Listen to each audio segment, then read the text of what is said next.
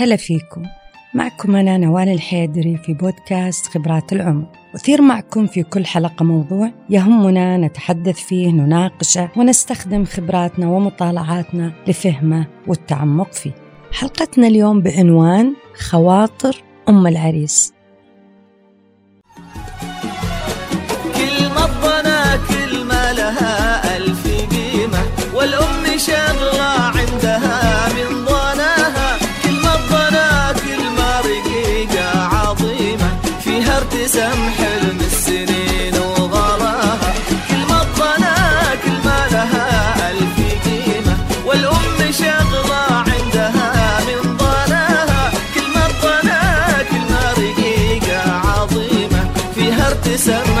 السنين وغلاها لسنوات عديدة كنت أدعي في كل صلاة أن يرزق الزوجة الصالحة المناسبة. كثير ما تمنيت أن الله يفرحني به عريس وخاصة إذا حضرت زواجات ابن عمة ابن خالته صديقة أو ابن صديقتي. ولكن بعد ما خطب تحدد موعد زواجه سيطر علي شعور غريب شعور غير مريح أحيانا أحس بغصة ما أقدر آكل أحيانا ضيقة تخليني ما أقدر أنام أحيانا نوبات خوف كأنها كوابيس تصحيني من النوم مسيطر علي هل بفقده؟ هل بيبتعد عني؟ هل إذا طلع من البيت بتخف مشاعره الحلوة تجاهي؟ هل بيقل اهتمامه؟ هل هي مناسبة لابني؟ هل هي كفو له؟ وهل هو اختار صح؟ وهل هي سترفض علاقتي فيه؟ وأيضا هل بتقدر تميزه اللي أنا أشوفه؟ كل هذه المشاعر والأفكار سنناقشها في حلقتنا اليوم استمعي معنا لهذه الحلقة مع كل المودة زواج الأبناء واحدة من التحولات اللي نمر فيها إحنا كآباء وأمهات والتي لا نستوعبها بسرعة فما زلنا نشعر أنهم أبنائنا ما زالوا صغار. ونستغرب كيف مرت السنين. ما زلنا نتذكر خطواتهم الأولى. أول كلمة قالوها. أول انفصال بيننا أيام الروضة. كان صعب علي وتوقعت أنه يكون صعب عليك. تتذكر أنا كنت مرة قلقة وحدث عكس ما توقعت. ابني الغالي في الروضة كان الأطفال يبكون يمسكون أمهاتهم لكن أنت كنت سعيد. كنت تقول لي أنا كويس. روحي ماما أنا أبغى أدخل الصف وألعب مع الأطفال.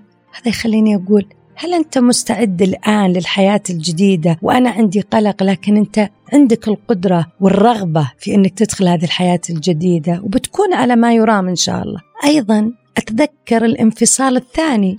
بعد ما دخلت الجامعة ورحت خارج منطقتنا كيف أنا شعرت بالألم والفقد؟ وأني أفكر فيك تقدر؟ كنت أنت اللي تطمني وتتواصل معي وتقول لي عن مشاعرك وعن كيف أنك مستمتع وكيف أنك مبسوط بالحياة الجديدة. الآن الوظيفة بعدين الزواج واختيار البيت كل هذا ما نقدر إحنا كأهل نستوعبه.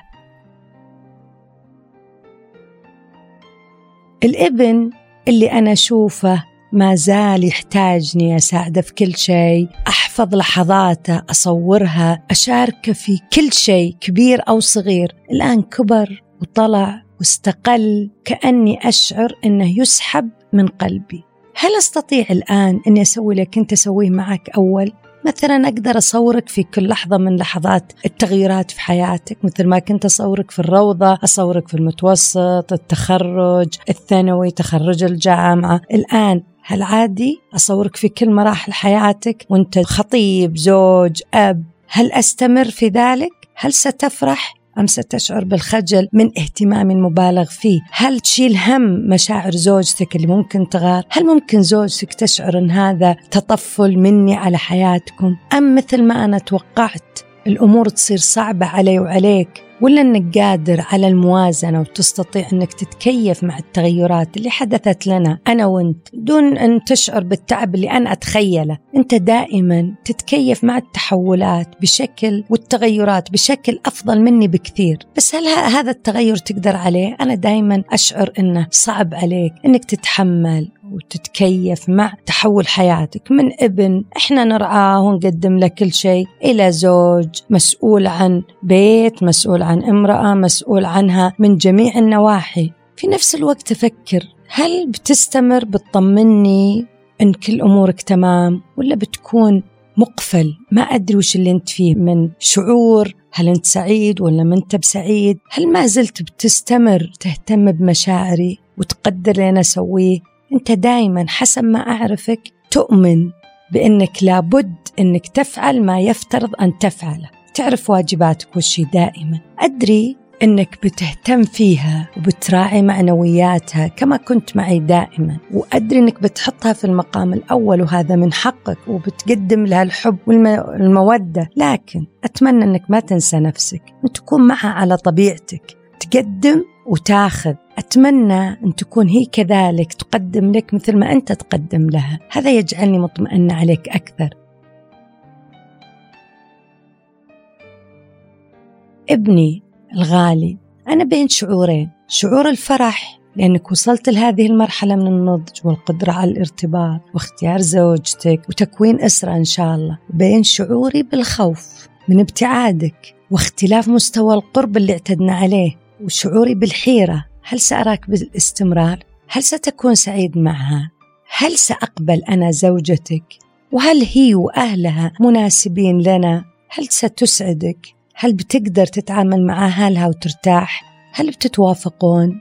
وأيضا أصل إلى كيف بتربي أطفالك؟ هل بتربيهم زي ما أنا ربيتكم بنفس الطريقة اللي أنا أرى أنها هي الأصح. بعدين أتساءل أيضا وش دوري في حياتك الجديدة؟ وهل دوري بقوم فيه بشكل مناسب لي ولكم؟ وهل ما زلت مهمة لك ابن الحبيب؟ أعرف أن كل هذه الأفكار والمشاعر قد تكون حقيقية وقد تكون لا. وأيضا بالعقل والمنطق أعرف أن هذه سنة الحياة والجميع يمر فيها. أولا بطمنك علي.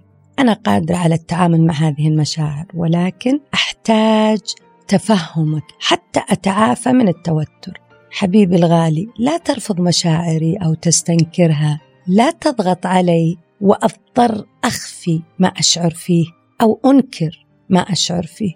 طبعا أنا أعرف أنها شريكة حياتك ماني معاديتها أكيد. من أجلك أولا ومن أجل حياتك سأحاول أن أقوي الرابطة بيننا. ولكن كن رحيم معي. أعطني وقتي لاستيعابها. لا تبتعد عني وتتحجج بها. هذا سيؤثر على مشاعري أيضا تجاهها. اجعل لي وقت منفرد.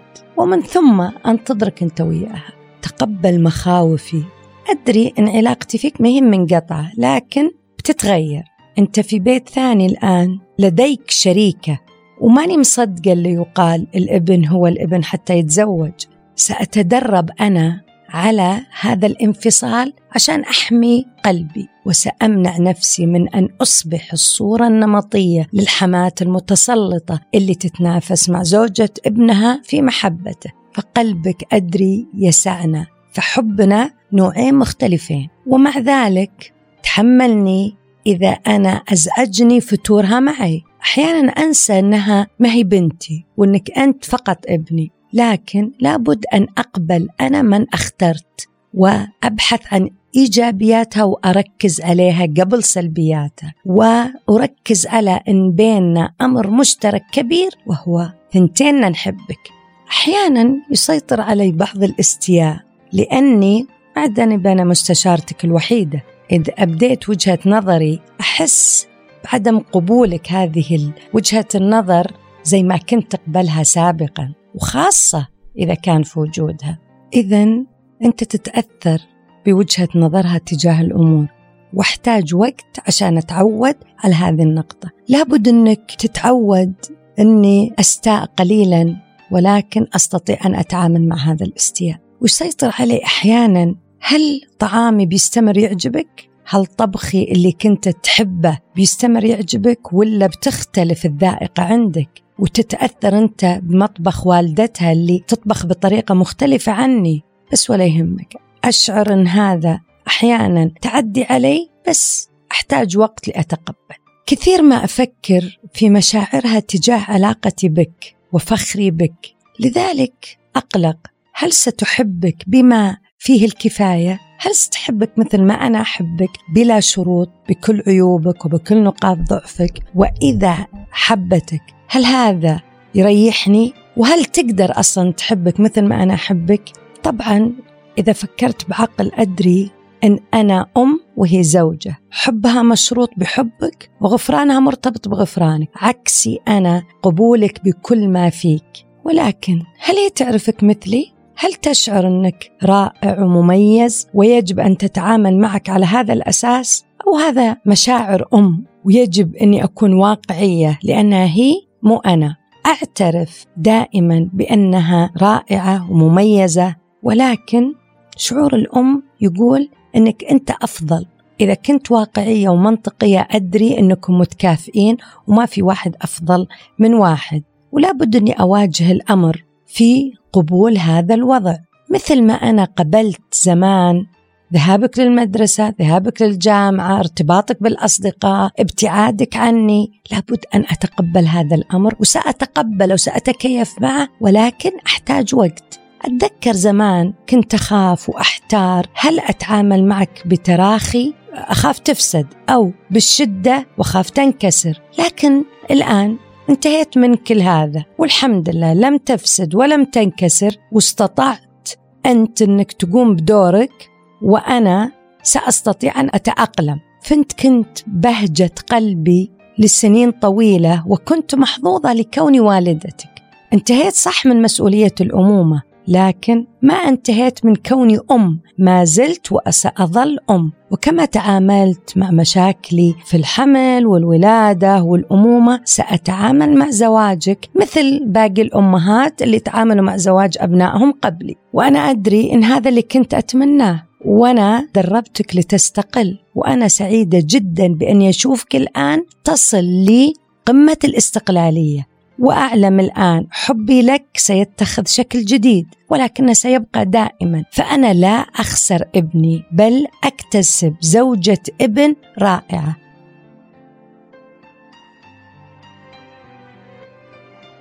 بعد كل هذه المشاعر السؤال اللي يفرض نفسه ما الذي يمكن فعله للتكيف؟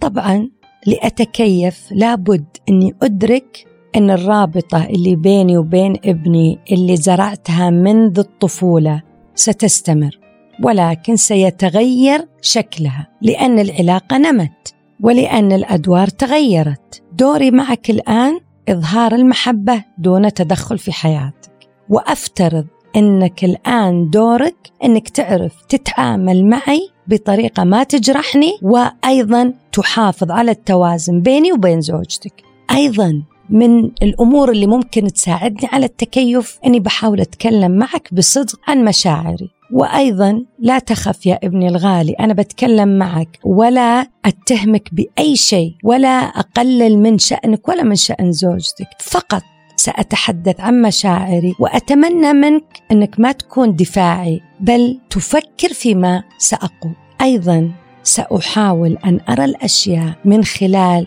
عيونك ومن خلال عيون زوجتك.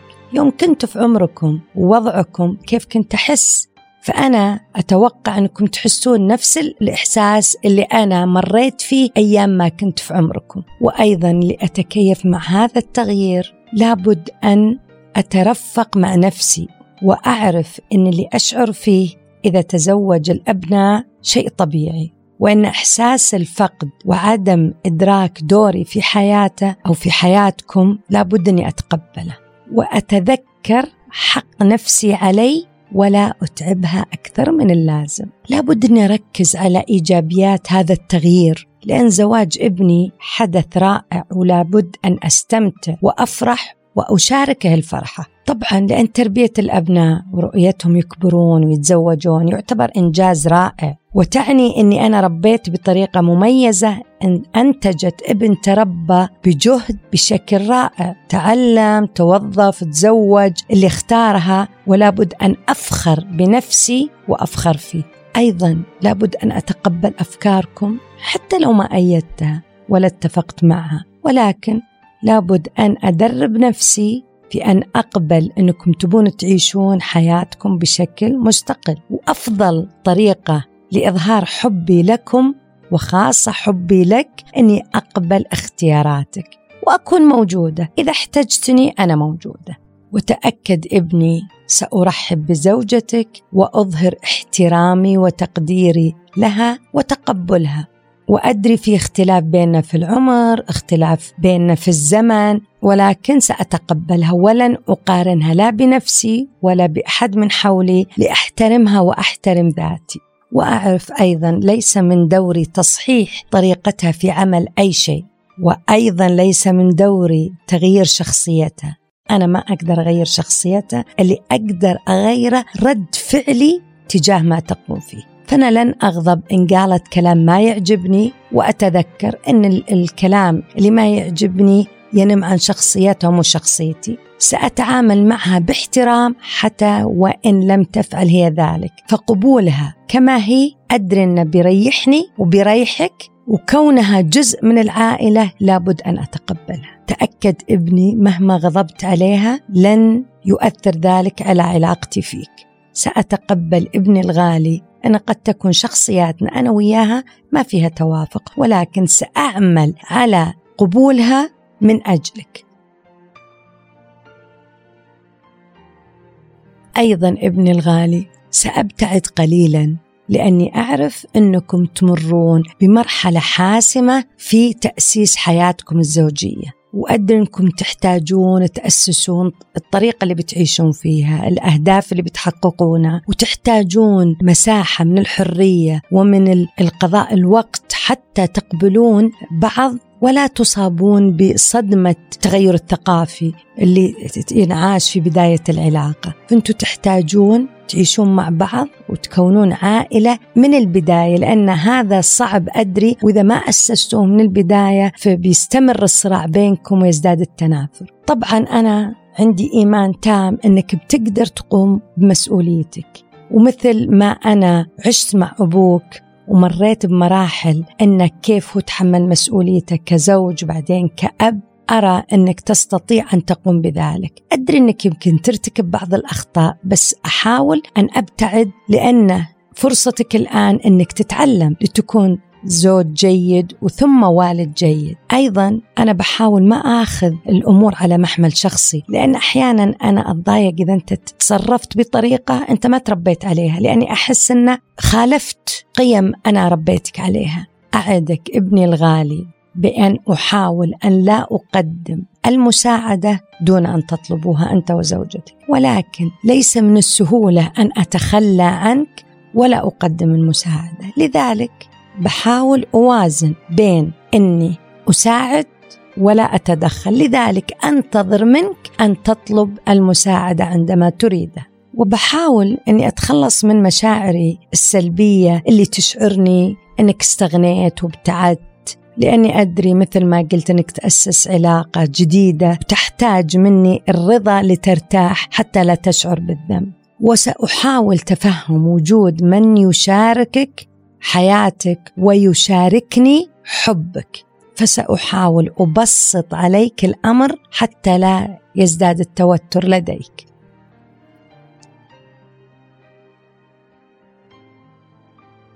ابني الغالي سأبقى على اتصال معك وإظهار محبتي كما هي عادتي وسأدعمك خلال انتقالك لهذه الحياة الجديدة. ولكن انتظرك دائما أن تكون متواجد في حياتي عندما أحتاجك. أيضا لابد أن تتذكر أنني أحتاج وقت مخصص لك معي. هذا ليس فيه انتقاص لزوجتك لكن مهم لنا. وثق سأجعلك أنت من يتحدث وسأبتعد عن استجوابك وعن سؤالي عن حياتك والتأكد من قدرة زوجتك على إسعادك. فأنا مؤمنة إيمان تام أنك قادر على إدارة هذه الحياة. وسأعامل زوجتك معاملة جيدة كزوجة ابن وليست كابنة. لذلك سأنتبه عندما أنتقدها أو أقدم نصح لها لأنها لا تعرفني كما يعرفني أبنائي. وأيضا لم يتكون لدينا رصيد عاطفي بعد. وأعرف إن هناك اختلافات بيني وبينها وهذا الأمر الطبيعي. فهي تربت بطريقة مختلفة وإن شاء الله بمرور الوقت تقل الاختلافات بيننا. أحتاج أصبر لتكوين علاقة جيدة. وسآخذ الأمور ببساطة. لن أقلل من شأنها ولن أستهزئ بطريقة عملها للأشياء أو مواقفها. ولن أضغط عليك ولا عليها للقيام بأي أمر لا تريدونه. ولن ألح عليكم أيضا. أدري أن الإلحاح يخلق توتر واستياء في العلاقة. فقط أنا سأقول رأيي وأترك الأمر لكما لاتخاذ أي قرار. وسأحاول أن لا أصف علاقتك مع زوجتك بأي صفات تزعجك. فقد أشعر أحيانا أنك متسامح جدا معها أو عاطفي جدا معها أو أنك خاضع للأفكار اللي هي تقولها. سأحاول أن لا أعطيك هذه الصفات مهما شعرت فيها. هذه الصفات أنا أقولها فقط لمحاولتي حمايتك اللي ما زلت أشعر أنك ابني اللي يحتاج حماية. وأدري أن هذا شيء واقعي وما أقدر أبد أحميك. الدنيا بتعلمك سيكون دوري فقط هو دعمك وإظهار الاتجاه الصحيح إذا أنا أشوفه والباقي عليك.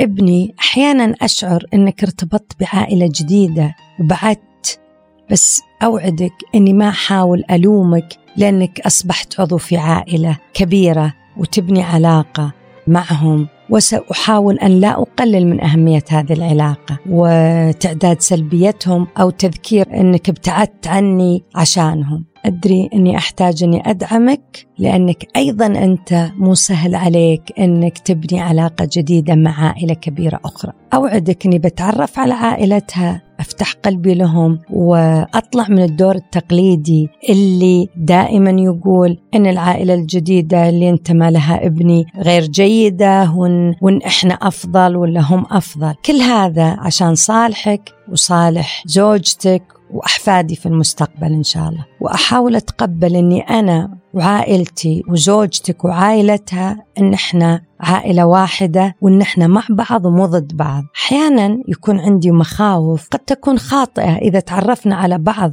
زين إحنا العائلتين. إذا كنا واقعيين سيكون في تقبل بعد فترة من مرور الوقت ونتعود على بعض ونعرف كيف نتعامل مع بعض. وأنا أعرف أن العلاقة هي طريق ذو اتجاهين. لكي تنجح يجب على كل الطرفين بذل جهد. ولكن بناء العلاقة أيضا يحتاج الوعي والنضج لتقليل الخلافات. الخلافات أحيانا تكون بين شخصين ويتأثر فيها عائلة كاملة. ولكن حلها قد يكون بمبادرة شخص واحد. واحيانا قد تشتد الخلافات اللي تكون بسبب الاختلافات. قد تصل للقطيعة أحيانا. ويضطر ابنك أو ابني ويضطر الابن إلى الانحياز أما للزوجة وأهلها أو الأم وعائلته، لذلك من المناسب أني أكون أنا الشخص صاحب المبادرة اللي يحل المشاكل ولا يصعدها، عشان ما تحصل المشاكل لابد أني بضع حدود في علاقتي مع زوجتك. لا تغضب لذلك وهذا مو دليل عدم الثقة لكن هذا يفيدني ويفيدها ويفيدك أيضا. وهذا دليل احترام. أضع حدود في اختياري للكلمات معها اختياري في تبادل المعلومات في أوقات الزيارات. كل هذا يؤدي إلى علاقة أفضل وأقوى لنا جميعا. لأن أحيانا عدم وضع الحدود والحماس للدخول في علاقة مع الطرف الآخر وتقبل الأسرة الجديدة نتخطى الحدود اللي ممكن تسوي بيننا مشاكل. خاصة في البداية والحماس الأولي سواء زوجة الابن تحاول أنها تدخل في هذه العائلة فتحاول تخطى الحدود وتسأل أسئلة غير منطقية. لذلك أنا كأم أحتاج أني أوقف هذا التدخل الكبير والعكس صحيح. أنا من حماسي ومحبتي لابني ومحاولة محبتي لزوجته أحاول أدخل بعمق وهذا يسبب لنا في المستقبل القريب مشاكل كثيرة. ابني الغالي أنا في هذه المرحلة لأتكيف مع هذا التغيير الجميل. سأتذكر نفسي وحقوقها علي وأحاول إعادة إنعاش علاقتي بوالدك. فإحنا نسينا علاقتنا الزوجية وركزنا على دورنا كوالدين. الآن بعد أن كبرتوا إحنا نقدر نستمتع ونقضي وقت مع بعضنا البعض كزوجين. وهذا بيطمنك علي ويبين لك أني أنا بقدر أعيش حياتي. أيضا سأحاول أن أقضي أوقات مميزة. عندي وقت عندي حرية التنقل عندي حرية قضاء الوقت خارج المنزل رياضة سفر قراءة تطوع القيام بكل الأمور المؤجلة. أيضا ابني الغالي برجع اتصل بصديقاتي وبالأفراد الأسرة اللي من زمان ما شفتهم. يمكن أنا وياهم نقضي وقت جيد وهم مروا بمراحل زي ما أنا مريت. بنحاول أن نتكلم عن هذه المشاعر. وثق حبيبي إحنا بنحاول نتبادل القصص الإيجابية وليس القصص السلبية اللي نتكلم فيها عن ما مر فينا من تجارب.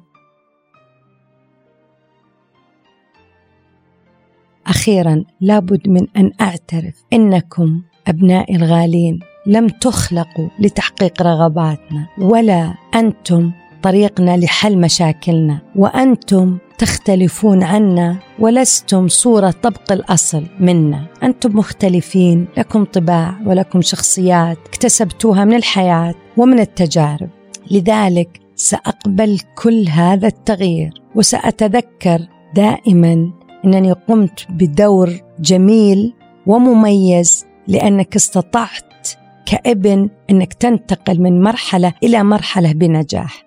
وسأستمر أؤمن إن الإبن هو الإبن ولن يتغير حتى لو تزوج بل سيستمر ابني الرائع المميز المحب ولك مني كل التقدير المحبة أمك.